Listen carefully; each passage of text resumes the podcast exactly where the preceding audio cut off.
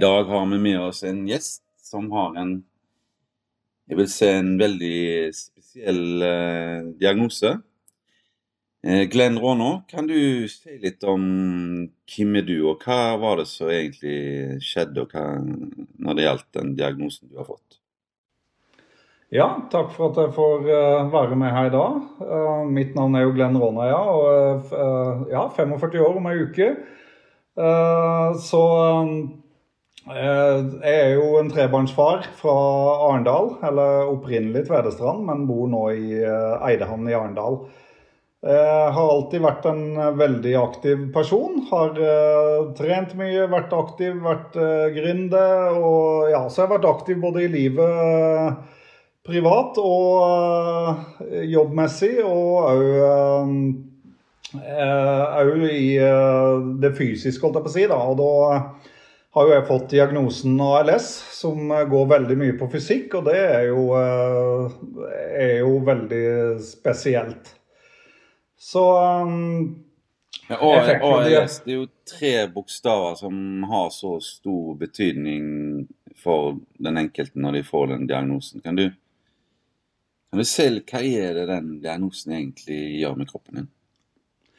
Ja, den, den gjør, er jo at uh, muskler, uh, alle viljestyrt muskulatur, altså all, uh, å bevege en arm, bevege et bein, gå en trapp, løpe Alt som du gjør med egen vilje, svinner bort og dør, rett og slett. Og det går jo òg på muskulatur som styrer tale, svelg Eh, og eh, til slutt pust. Eh, altså at du har ikke, du har ikke nok kraft pga. muskulaturen der ut til at, at, du ikke klarer å puste selv. Da. Så, så det er jo en veldig alvorlig diagnose som, som gjør til at du til slutt dør. Og det finnes jo heller ikke noe kur for denne sykdommen. Og det er heller ikke noe medisinering annet enn noe veldig dårlig bremsemedisin. Eller en, den er ikke dårlig, men den varer i veldig kort tid. Men det er rett og slett det som skjer, at alt viljestyrt muskulatur i kroppen svinner hen. Og du blir svakere og svakere, og til slutt så svinner såpass mye bort at du, at du dør, da. Når var det du fikk diagnosen? Jeg fikk den endelige diagnosen i juni i, nå i år. Så, men jeg hadde symptomer i eh, De første symptomene som jeg har tenkt tilbake, begynte jo i, eh, faktisk til jul i, eh, i fjor.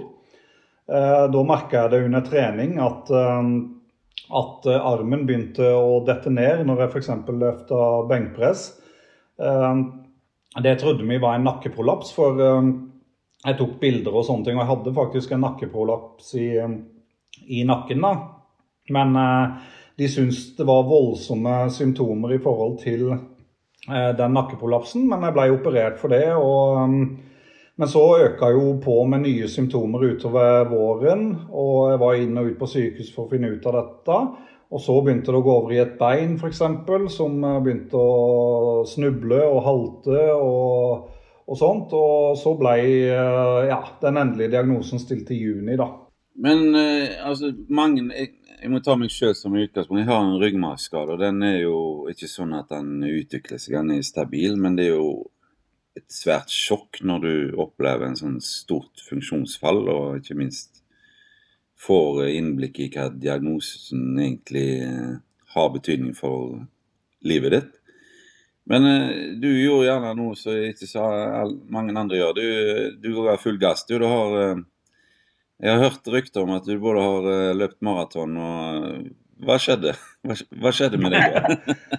Nei, jeg var jo, eh, Selvfølgelig var det et veldig stort sjokk, som for alle andre for, for meg og spesielt familien og, og sånne ting. Og det, vi visste jo at det ble en veldig stor omveltning i, i livet vårt. Og, og, at dette her kom til å påvirke oss. Og, og det var mange, det var noen dager i kjelleren der som ja, som en tenkte alt fra de verste tanker til eh, Ja, sånn, det var en automatikk som kobla inn der. Men, eh, men så, så, har jeg jo barn. Jeg har uh, ei datter på, på 18 som er veldig nær, og så har jeg jo tvillinger på åtte år. og ei kone som jeg er veldig glad i. Og så begynte tankene liksom å Nå vet jeg at jeg får kortere tid enn andre, og skal jeg bruke den tida da på å være her i kjelleren og være deprimert og, og, og en, at de skal ha en dårligere opplevelse av meg enn det jeg har hatt på den tida. Og da klarte jeg liksom på et vis å snu den tankegangen da, til at eh, tross sykdommen heller skulle utfordre meg på de tinga som jeg har hatt lyst til å, å gjøre, og gjort tidligere òg. Uh, det er gjerne sånn hos mennesker at uh, noen ting er plenty umulig, men vi har gjerne mer i oss enn en, vi vet, selv med med alvorlig sykdom. Og allerede da i juli, da, som jeg valgte å gå til Galdhøpiggen, så var jeg ganske redusert i bein, og jeg måtte bruke skinne for å komme meg opp dit, og staver og, og slik. Men jeg bestemte meg at det skal jeg klare uansett. Lungekapasiteten min er fortsatt uh, veldig bra, og da tenkte jeg at det har jeg iallfall innabords til å klare det. Så får vi bare gasse på. Og, men halvveis opp, når vi hadde gått over snøbiten der, så begynte beina å, å svikte, og da var det ren vilje på, på, resten, da. Men det gikk, og jeg kom meg opp, og, og det var en helt fantastisk opplevelse å klare det. Ja, det, det, det, er noe av det største jeg har gjort når du først har det i deg, og du har kjempa så for å klare det. Så, så, jeg har levd veldig mye på det i etterkant Jeg har jo hatt det som lyspunkter å, å, kikke på. Og ja, når det er tunge dager, da, og så faktisk tenke på at uh, du klarte det, og du har, i, du har mer i deg enn du, du tror, da.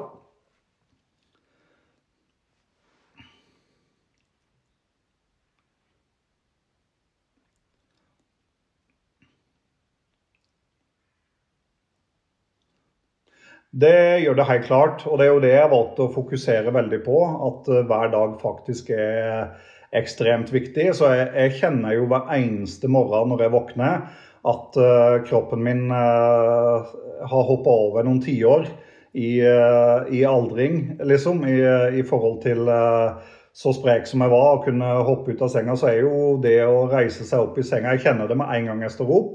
Og da må jeg egentlig ta den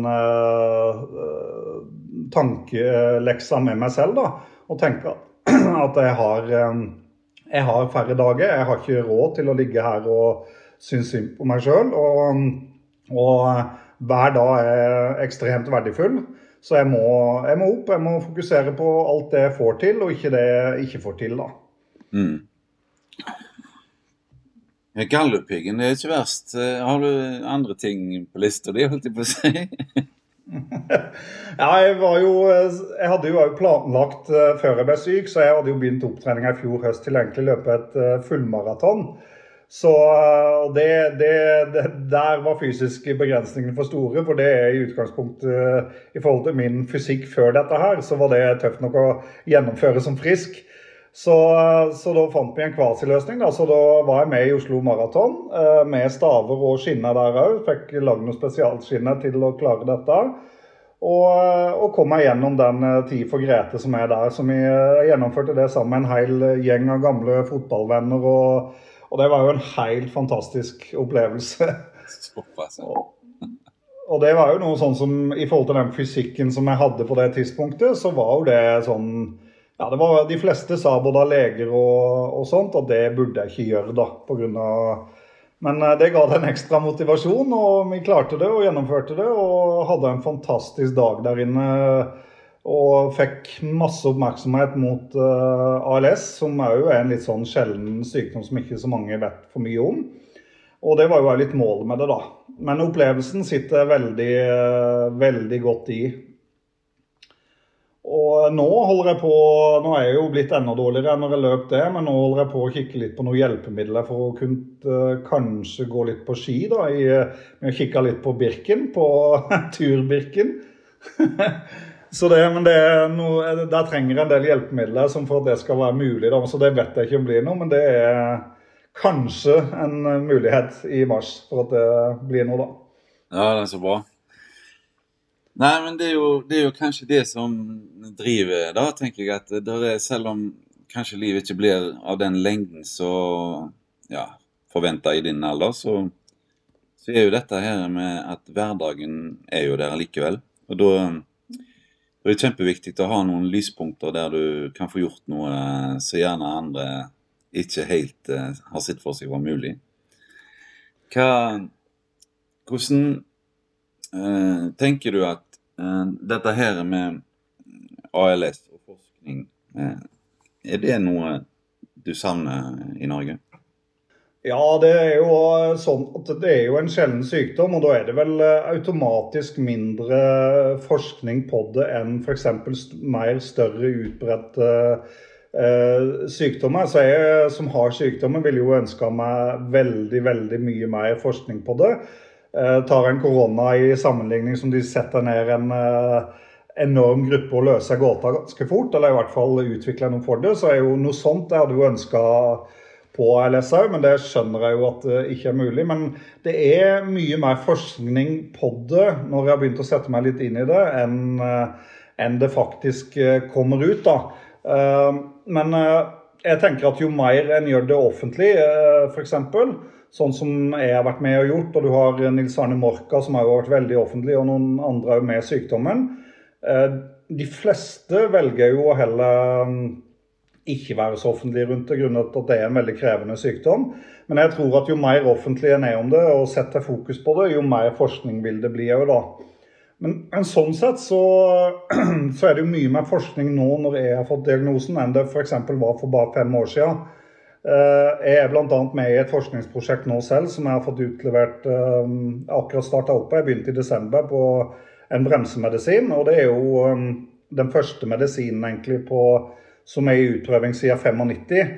Så, så, så, det er et bra forskningsmiljø, og det forskes en del på det. Men jeg skulle selvfølgelig ønske at det var mye, mye mer for å kunne løse den gåta. da, For jeg tror det er mulig å løse den, men det må settes ressurser og, og skarpe hodet på det.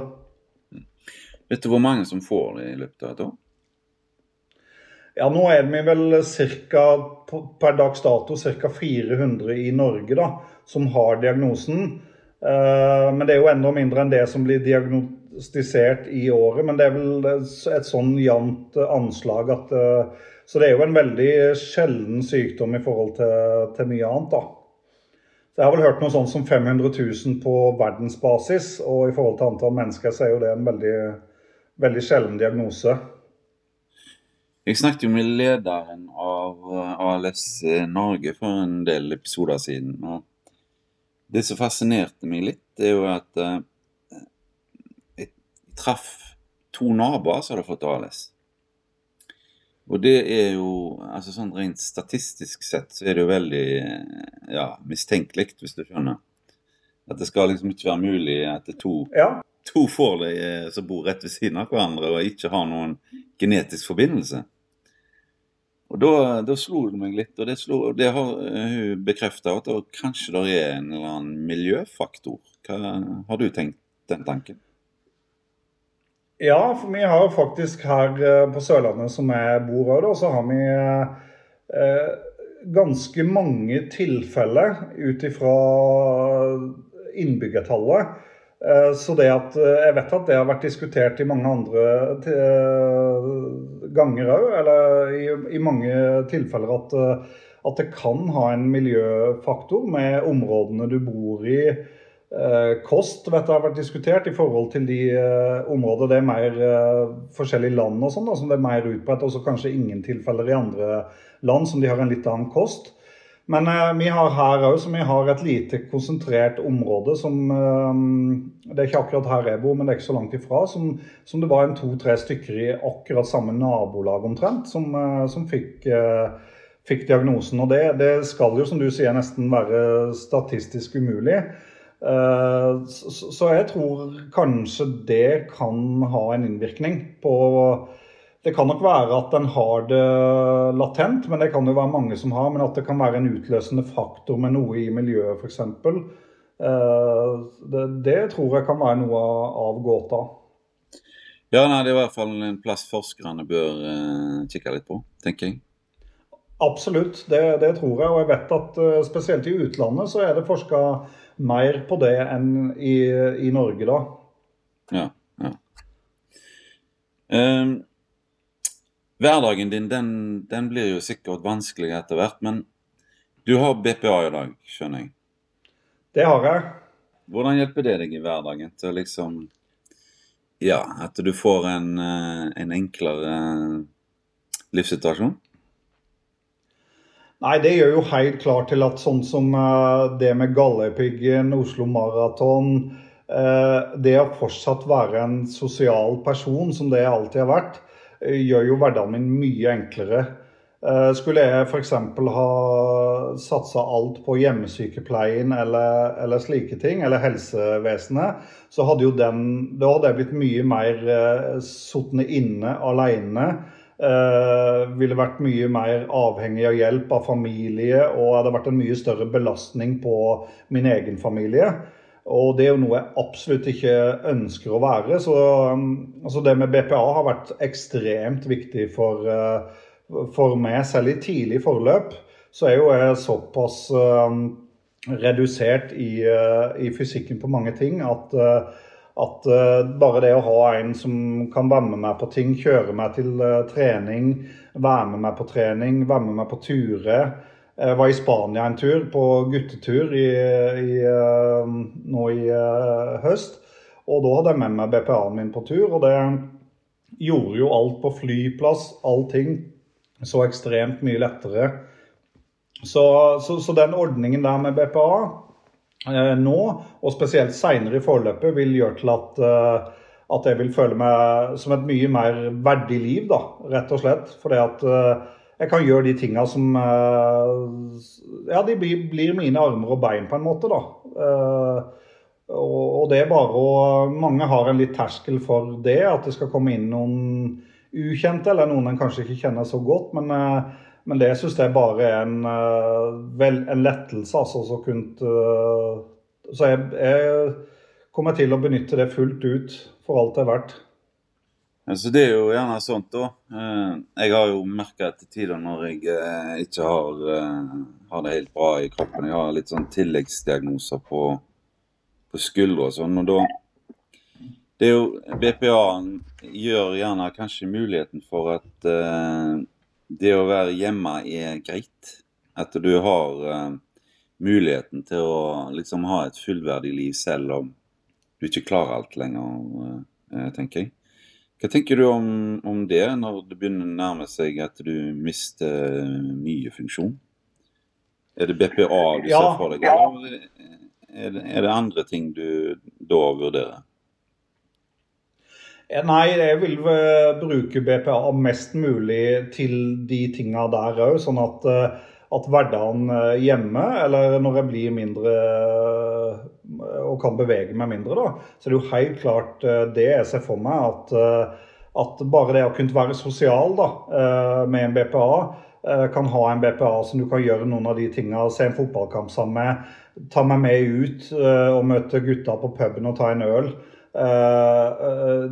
At, at, det blir til at ja, selv når jeg trenger mye mer hjelp, så vil jeg bruke BPA fullt ut så mye det er mulig, altså.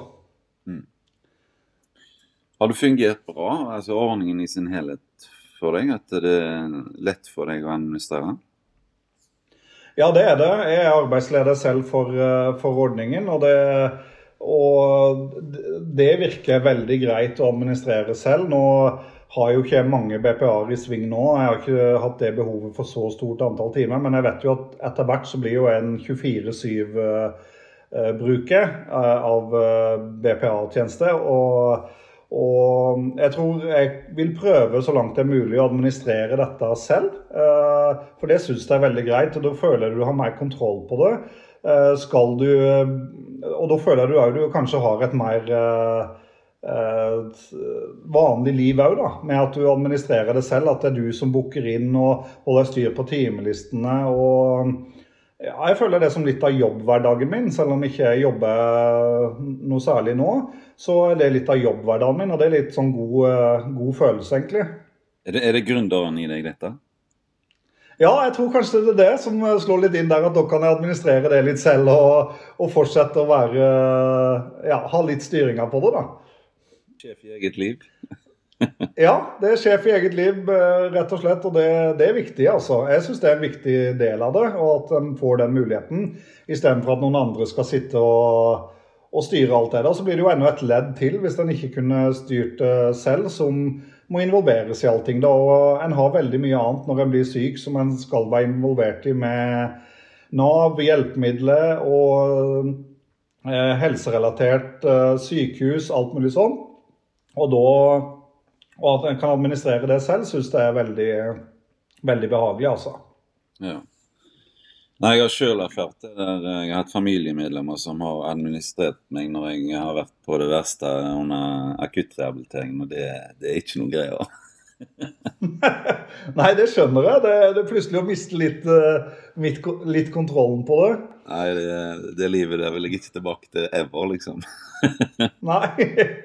Nei, men Det er godt at det er lagt opp sånn at vi kan uh, gjøre det. Og jeg tror så lenge det går, i hvert fall, så er det en veldig verdig og fin ting. Ja. Ja. Eh, vi skulle være korte, og det har vi jo for så vidt vært. Eh, vi har fått snakket om mye. Eh, og jeg tenker at vi kan runde av her nå. Og jeg må jo si det, og tusen takk for at du, du stilte opp.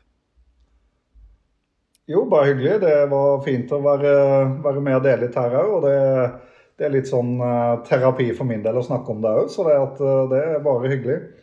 Så ser jeg jo at det er ofte andre som får diagnosen nå, trenger litt inspirasjon å høre sånne historier som du forteller.